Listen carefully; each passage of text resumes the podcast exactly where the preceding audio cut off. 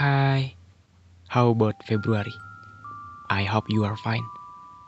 Sebelumnya, maaf, I'm so sorry, pembahasan podcast akhir-akhir ini agak kurang enak didengar. Selalu bawaannya sedih. Kalau dirasa kurang enak, silahkan di skip. Um, oh iya lupa, thank you yang udah ngasih rate dan nge-share ke teman-temannya tentang podcast ini. Aku harap dengan adanya podcast ini bisa meluapkan isi hati kamu yang denger, bisa sebagai tempat curahan hati, dan banyaklah pokoknya. Aku harap ini bisa berkembang dan seperti podcast lainnya. Atau kalau semisal kamu ada cerita, boleh di DM, ntar aku bacain. Gak bosan-bosan aku nanya kamu udah makan apa belum? Ya meskipun aku bukan siapa-siapa kamu, Sebenarnya aku tahu kamu gak punya ayang, makanya aku tanyain. Kurang rasanya kalau kamu yang denger ini gak senyum. Coba senyum. Sekali aja. Nah, gitu kan manis. Sebenarnya aku gak bawa podcast tentang ini. Jauh-jauh kalau bisa. Tapi ini karena request dari salah satu temen kita, ya diturutin aja. 11-12 sih sama podcast semalam. Semalam tentang Prenjon, sekarang tentang, iya, G-A-M-O-N. Gamon. Gamon itu sebenarnya ada dua versi. Ini menurut aku pribadi ya. Gamon atau gagal move on, dan gamon atau gak mau move on. Jadi beda banget maknanya. Gagal move on itu dia mencoba move on, tapi gagal kalau nggak mau move on, dari dasarnya dia nggak mau move on. Dipaksa kayak gimana pun dia tetap kekeh sama cinta masa lalunya. Aku bakal bahas satu-satu tentang persepsi gamon menurut aku pribadi. Satu itu gagal move on.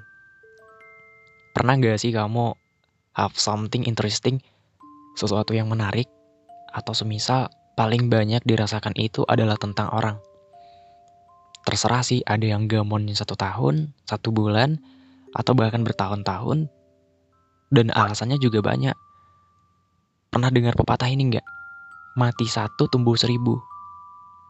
Nah, jadi aku mau ngebantah tentang pepatah ini.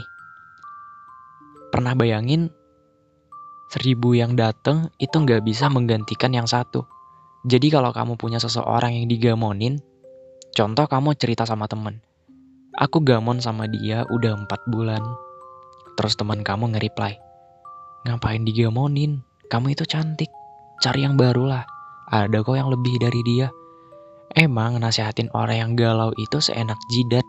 Dia nggak tahu aja susahnya itu gimana. Kayak aku pribadi nih. Aku sebenarnya udah mulai bisa move on dari seseorang.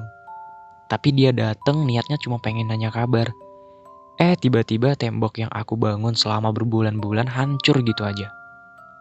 Eh kamu apa kabar? Baik, kamu gimana kabarnya? Sok-sokan B aja. Padahal di hati udah ngehalu. Nanti nikah pakai adat apa ya? Di acara kayak gimana ya? Nanti tinggalnya di mana? Honeymoon di mana? Kamu yang denger pastinya kayaknya pernah kan udah ngecoba move on, gak ada angin, gak ada hujan, dia datang tiba-tiba dan akhirnya usaha buat move on jadi gagal. Nggak maksudnya apa coba? Aku lagi proses nge-move onin kamu, tapi kamu kenapa dateng? Udah dong, kalau nggak mau ngasih kepastian ya udah sana pergi, malah dateng.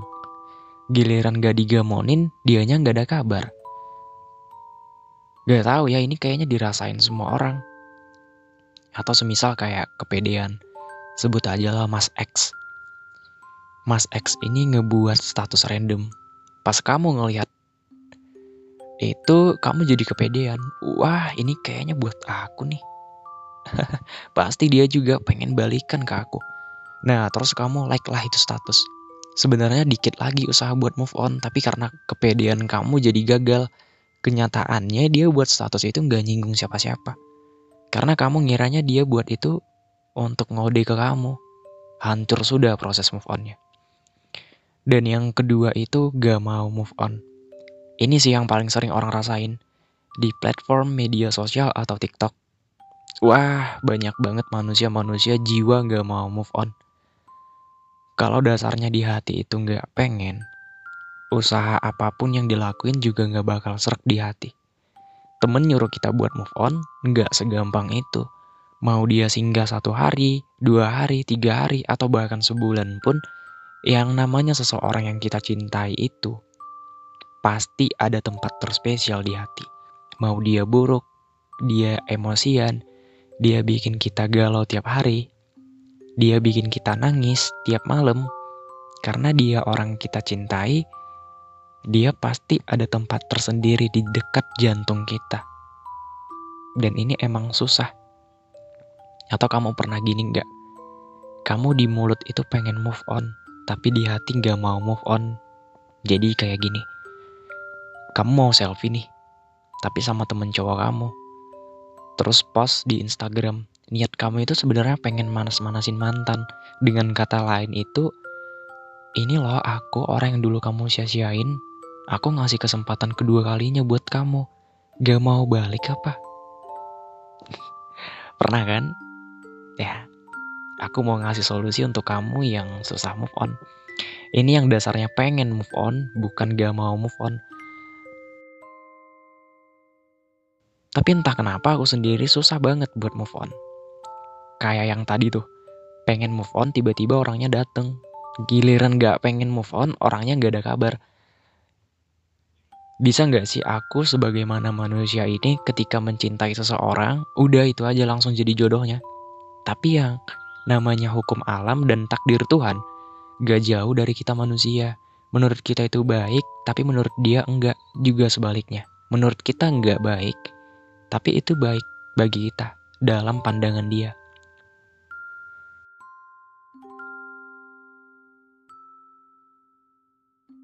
Kalau muter lagu Armada, asal kau bahagia. Pernah denger kan? Nah, emang yakin dia sama orang lain kamu bahagia? Bener, gak bohong.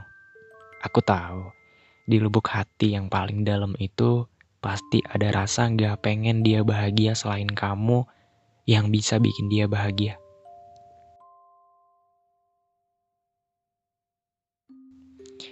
Jadi aku ada nasihat yang bahkan jadi acuan buat kamu untuk memulai lembaran baru. Kalau kamu emang belum bisa untuk move on atau enggak mau move on, jangan sesekali mencari orang baru untuk melupakan yang lalu. Karena itu sakitnya double. Lebih baik kamu selesaikan dulu secara sendiri. Nah kalau udah beres, udah yakin nih, silahkan ke yang baru. Jangan ketika kamu sama yang baru, di belakang itu kamu masih ngegamonin masa lalu. Ini yang paling sering. Berada di posisi ini tuh SBL, SBL, SBL. Pastinya udah tahu arti SBL itu apa.